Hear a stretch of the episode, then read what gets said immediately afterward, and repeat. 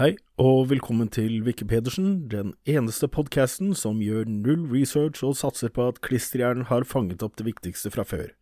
Her er det ingen garanti for at alt er 100% korrekt, men med litt arroganse og ikke et snev av selvironi er det sikkert 99% korrekt. Garantert banna bein. Mitt navn er Halvor, og det er min hjerne som har like mye klister som oblatet på et bilskilt. Anton på Ekberg spør, da jeg var liten, var en av de største miljøtruslene hull i ozonlaget, og alle pratet om det. Hva har skjedd? KFK-gasser, altså klorfluorkarboner som freon, ble forbudt som drivgass i sprayflasker, og dessuten var 80-tallet over, så hårspraybruken gikk drastisk ned. Sikkert sårt for elnett.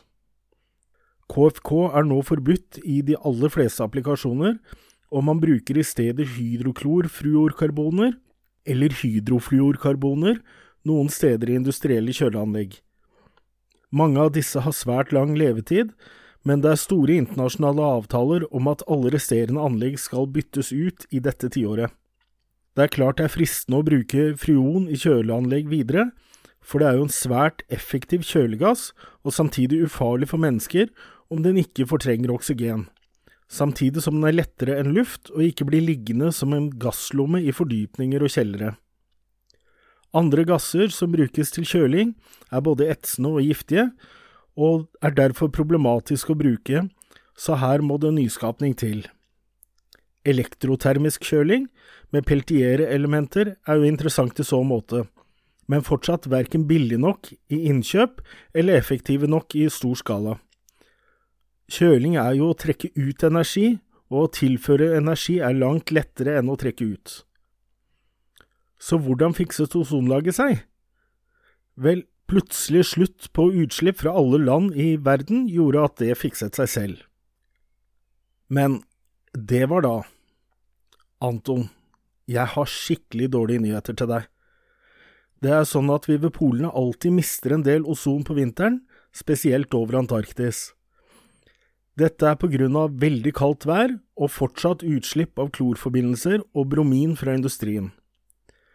Men stort sett er det meste over Antarktis og varer bare noen måneder før det tettes igjen på våren.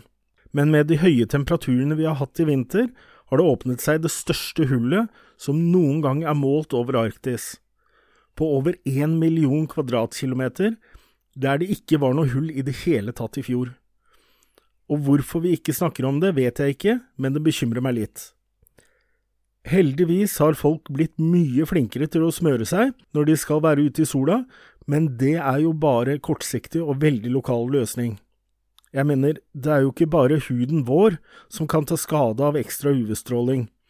Ozonlaget absorberer jo over 90% av skadelig UV-stråling, så dette er dramatisk for alle organismer, spesielt på Svalbard, nordre del av Grønland og helt nord i Canada. Vi får håpe at dette tetter seg igjen nå som det har blitt vår. Alexander på Hvaler lurer på hva menes med og hva er fenomenet når rogntre får rust? Rognrust er rustfargede flekker på bladene til rogntrær.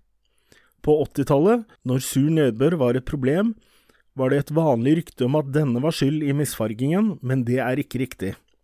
Den skyldes et angrep av sopp som heter nettopp rognerust, og er ikke veldig farlig for treet, men det ser jo ikke pent ut og kan smitte over på andre trær, også en annen art, nemlig einetre. På einetreet heter den einerust, men ser ikke ut som flekker, men kliste gule dråper fulle av sporer som dukker opp etter fuktig vær på våren. Øystein på Landås spør Hvorfor er noen rullebaner på flyplasser bølgete? Det korte svaret er at det er billig. Det lange svaret er at asfalt egentlig er flytende, selv om den beveger seg sakte, og at rett under asfalten ligger pukk og stein i lag oppå sand og stein og fjell. Varme, frost og mekanisk påvirkning gir fordypninger og forhøyninger langs hele rullebanen, og selv om man er flinke med vedlikehold, så gjøres dette innenfor både budsjett og grenseverdier for hva understell og passasjerer tåler. Jeg tror nok det er mulig å lage en rullebane som er nesten helt flat, men da snakker vi om å støpe en enorm betongkonstruksjon som ikke kan sprekke av masseforsyninger og sånn, og det er utenkelig om det skal kunne driftes økonomisk. Og helt unødvendig, naturligvis, siden flyet har støttempere. Tre kjappe spørsmål fra Bjørn, ti år, i Vestfold. Hva er mest verdifullt av diamant og smaragd? Her er det lett å si at diamant er mest verdifull, og at smaragd er mye billigere. Og sånn er det jo om du går til en gullsmed og skal kjøpe et smykke, men det er litt lureri og litt sånn at vi har bestemt oss for at sånn skal det være. Man sier jo at diamanter som blir tatt opp fra gruver er veldig sjeldne, men det er ikke helt sant. Noe som også øker prisen, er jo at man må dele opp og slipe diamanter for at de skal skinne pent, og det gjøres ofte av folk med mange, mange års erfaring og tar lang tid. Men faktisk ble ikke diamanter kjempepopulære før i 1947, da de kom på moten som stein i forlovelsesringer etter en kjempestor reklamekampanje i USA.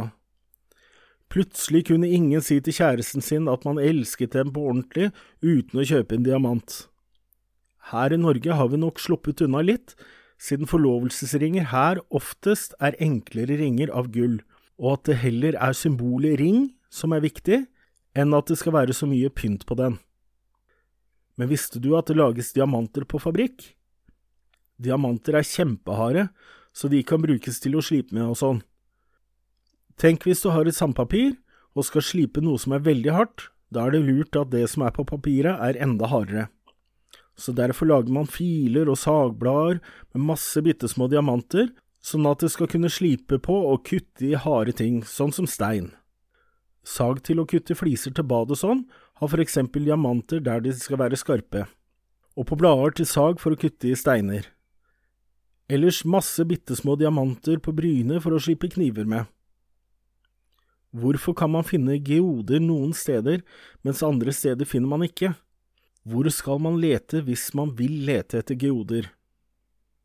Det vi kaller geoder, er steiner som er laget av vulkansk aktivitet, og deretter mange, mange år med påvirkning fra miljøet de er i. Egentlig er det bare skallet på geoden som er den opprinnelige steinen, en stein med tynt skall og stort hull på innsiden. Så er dette skallet porøst, sånn at fuktighet og mineraler kan trekke inn og lage krystaller. Du trenger altså en vulkansk stein som er laget på akkurat riktige måten og er i et miljø der det er riktige mineraler, sånn som i kalksedimenter. De stedene med mest geoder er fire land – USA, Mexico, Brasil og Madagaskar.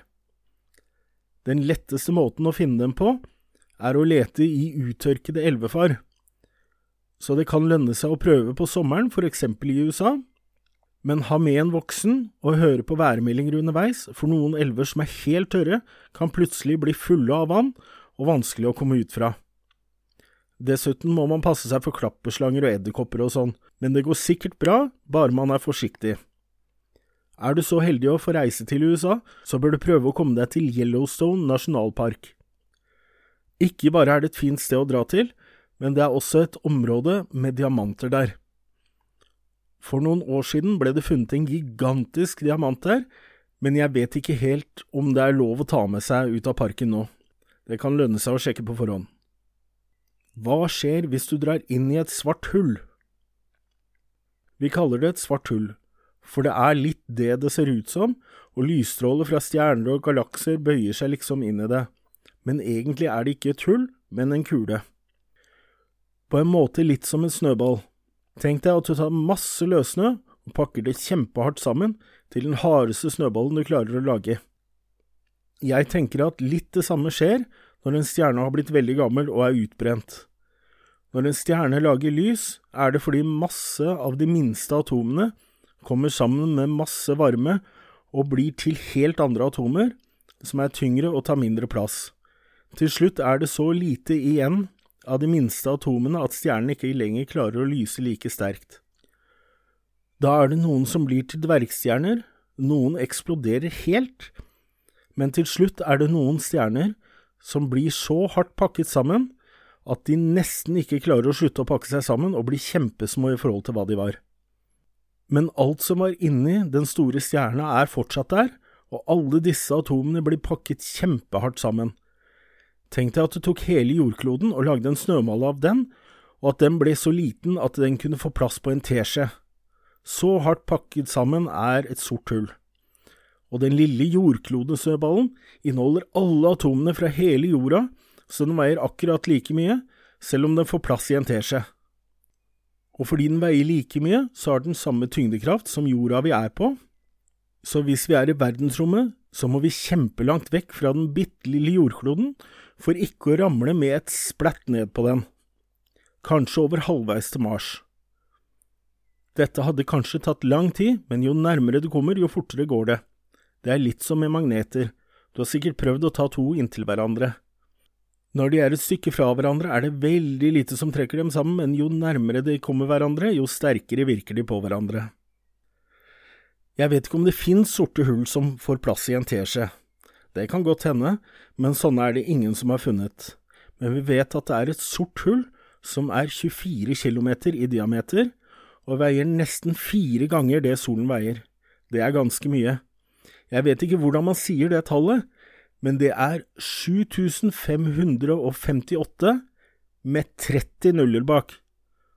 Så mange kilo veier det sorte hullet.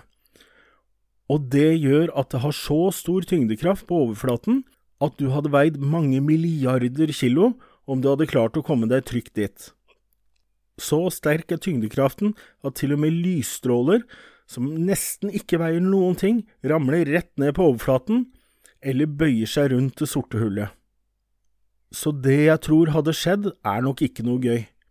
Jeg tror det først hadde blitt kjempelang mens du føyk gjennom verdensrommet. Så tror jeg du hadde blitt bitte liten og veldig flat, og kanskje veldig, veldig varm. Jammen bra sånne ting er så langt unna at vi ikke kan ramle ned på dem. Erlend på Øvre Tøyen spør. Siden jeg maser mye om den tidsmaskina som du må bygge, går det an å spørre kan vi reise i tid? Ja, Erlend, det kan vi, men bare fremover. Og vi gjør det faktisk hele tiden, og da mener jeg ikke at vi ser to ganger på klokka og sier at nå har det gått så og så lang tid, men relativt til andre steder som ikke suser av gårde med samme hastigheten som vår galakse gjennom verdensrommet, gjør vi det. Fordi den internasjonale romstasjonen har ganske høy hastighet, betyr det at tiden går ørlite saktere der enn på jorda. Ikke sånn at det kan merkes uten videre, men nok til at atomer på ISS må justeres med 0,007 sekunder hver sjette måned. Jeg vet ikke hvor viktig dette er på en romstasjon, men satellittene tilhørende GPS-systemet er helt avhengig av at deres innbygde atomer kalibreres ofte for å unngå at GPS-enheter blir forvirret eller gir misvisende informasjon. Fenomenet med at tiden om bord på noe som beveger seg raskt, går saktere enn tiden på noe som beveger seg saktere, kalles tidsdilatasjon, eller tidsutvidelse om du vil. Og jo raskere du beveger deg, jo saktere går tiden i forhold til for eksempel på jordens overflate. Jo nærmere du kommer lysets hastighet, jo mindre betyr tid, eller sagt på en annen måte, jo saktere går tiden om bord i et eventuelt fartøy, helt til den helt stopper opp ved lysets hastighet. Teoretisk, altså. Hadde vært gøy å prøve. Dessverre er det raskeste jeg har beveget meg, rundt 900 km i timen. Tror du var med. Jaggu måtte vi skru klokka en time frem også. En liten greie til slutt. Tidsutvidelse funker visstnok sånn at om du legger ut på langtur i verdensrommet med verdens heftigste romskip og har en konstant akselerasjon på 1G, kan du i løpet av én menneskelig livstid, si 80 år, nå helt til andre siden av universet. Det var spørsmålene for i dag. Takk som spør. Neste fredag kommer en liten oppdatering på surdeig, og så skal jeg se om jeg kanskje regner litt på hvor fort man beveger seg etter 80 år med 1G akselerasjon. Det kommer også litt om ufoer og litt om penger. Spennende. Jeg oppfordrer alle lyttere til å sende inn både nye spørsmål og kommentarer, og jeg kan nås på wikipedersen at aol.com. Det var wikipedersen at aol.com. Og så håper jeg du deler denne podkasten med en venn. Farvel!